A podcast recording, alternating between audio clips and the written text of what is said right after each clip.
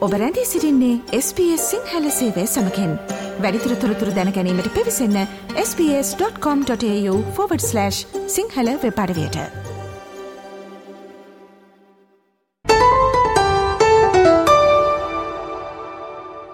SBS Sinhala ගුවන් විදුලිය අද දවසේ ඔබ වෙතගෙන එන කාලීන තොරතුරු විශේෂාන්ගයෙන් දුරල දේශසීමා ප්‍රතිපත්ති ගැන ඔස්ට්‍රලයානු මධ්‍යම රජයේ විපක්ෂය කම්කරු පක්ෂයට චෝදනා කිරීම සම්බන්ධව නවතම තොරතුරු ඔබ වෙත ගෙනෙනවා.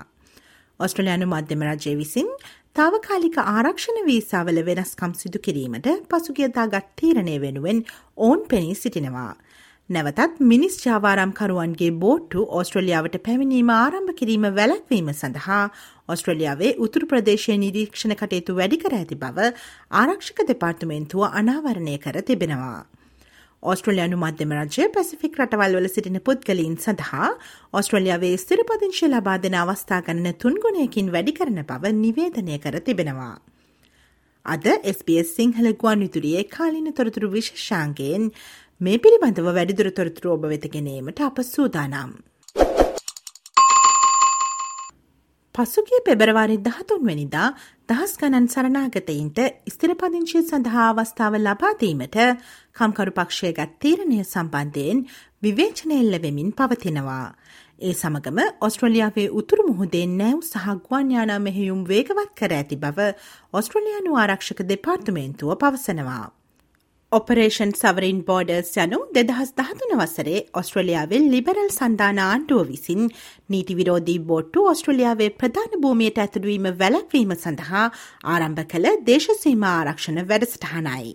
මෙම ඔපරේෂන් සවරින් බෝඩස් සෙවත් ස්වෛරී දේශසීමා මෙහිම ආරම්භ කිරීමට පෙර ඔස්ට්‍රලියාවට පැමිණි දැනට තාවකාලික ආරක්ෂණ වීසා සහ සේෆ් හෙවන් එන්ටර්ප්‍රයිසස් වීසා බලපත්‍රයට තේරැඳී සිටින දහනම් දාහක සරනාගතයින් ස්තිරවම ඔස්ට්‍රලියාවේ රැඳී සිටිනීමට සුදුසුකම් ලබන බව ඔස්ට්‍රලයානු මධ්‍යම රජය විසින් පසුගිය සඳුදා අනාවරණය කරනු ලැබවා.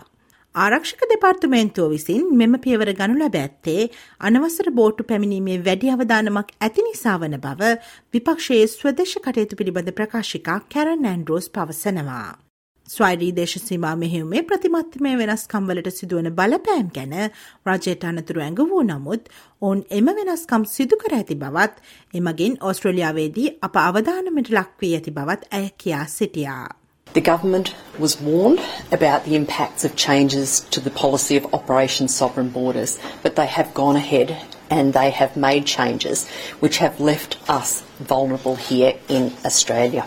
රජයගත් මෙම තීරණය ස්වෛරී දේශසීමා මෙහිුමේ ප්‍රධාන අරමුණුවලට පටහැනි බව පවසමින් ඇය රජයට චෝදනා කරනවා.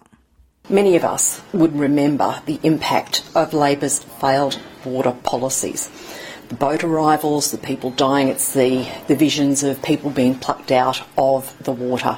No one wants to see that happen again. එහෙත් අගමැති ඇන්තනී අල්බනීසි විපක්ෂය ප්‍රකාශ ප්‍රතික්ෂේප කරන්නේ මනුෂ්‍යත්ව අතින් දුර්වල නොවී සියරජය දේශසීමා සම්බන්ධයෙන් දැඩිව ක්‍රියා කරන බව පවසමින්. මැතිවරණයේදී ලේප පක්ෂය ලබාගත් ස්ථාවරය ලෙස බලන ලෙසත් ඔවුන් එම ස්ථාවරය ක්‍රියාත්මක කරන බවත් අගමති අල්බනීසි වැඩිදුරටත් කියා සිටියා. This government will be tough on borders without being weak on humanity. And that's the position that we took to the election And that's the position that we're implementing. ජාත්‍යන්තර සංවර්ධන සහ පැසිෆික් කලාපයේ කටයුතු පිළිබඳ අමාත්‍ය පැට් කොන්රොයි විසින් රජය ශක්තිමත් දේශසීමා ප්‍රතිපත්තිවලට අනුකූලව කටයුතු කරන බව පවසනවා. මෙම රජය ස්වෛරී දේශසීමා මෙහෙවුමට දැඩි ලෙස කැපවී සිටින අතර එම ප්‍රතිපත්තිවල වෙනසක් සිදුවී නැති බවද ඔහු අවධාරණය කරනු ලැබවා. I'm not going to comment on um, operational matters, but what I can say is this government remains firmly committed to Operation Sovereign Borders, and under that policy, every single boat is turned back or returned. Every single boat is turned back. That policy has not changed. Our commitment to Operation Sovereign Borders uh, is there, and it remains resolute.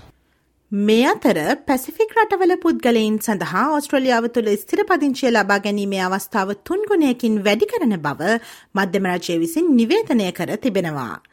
වීසාලොතරයි ක්‍රමයක් යටතේ එළඹෙන ජූලි පළවෙනිදා සිට මෙය ක්‍රියාත්මක වන අතර Pacific ජාතීන් සහ නැගෙනහිර ටිමෝරයේ වයසවුරුදු දහටත් හතලිස් පහත් අතර සුදුස්කොම්ලත් අයදුම්කරුවන් සඳහා මෙහිදී අමතර අවස්ථා තුන් දහසක් ලබාදීමට කටයුතු කෙරනු ඇති.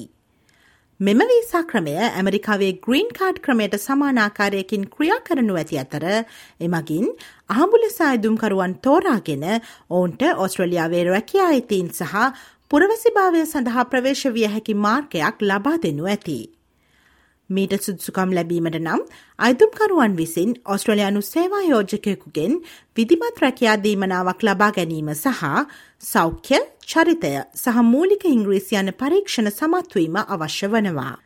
එය ඔස්ට්‍රලියාවේ පැසිෆික් දල්ස් පෝරාව වැඩිකිරීමේ පුළුල් උත්සාහයක කොටසක් වන බව සංක්‍රමණ කටයුතු පිළිබඳ අමාත්‍ය ඇන්ඩරු ගයිල්ස් පවසනවා. පොදු අවශ්‍යතා සහ ප්‍රමුඛතා කෙරෙහි අවධානය යොමු කරමින් ශක්තිමත් පැසිෆික් හවුල්කාරිත්වය ඔස්ට්‍රලියාව විසින් ජාතික අවශ්‍යතාවයක් කොට සලකන බවත් පැසිෆික් කලාපේ ස්ථාවරත්වය සමුෘතිය සහ ආරක්ෂාව සඳහා ඔස්ට්‍රලයානු රජයේ කැපවීම මෙම ප්‍රතිසංස්කරන මගින් පැහැදිලි වන බවත් ගයිල්ස් මහතා පෙන්වා දුන්නා. These reforms demonstrate to the Australian community and to our Pacific family that stronger Pacific partnerships focused on shared needs and priorities are in Australia's national interest and support stability, prosperity, and security in our region.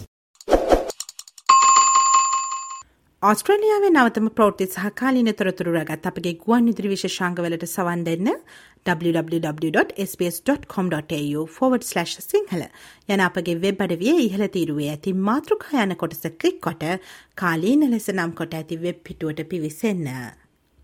SBS SBS SBS SBS SBS SBS Radio like කරන්න share කරන්න අදහස් ප්‍රකාශ කරන්න SBS Sinhala Facebook පිටුව follow කරන්න.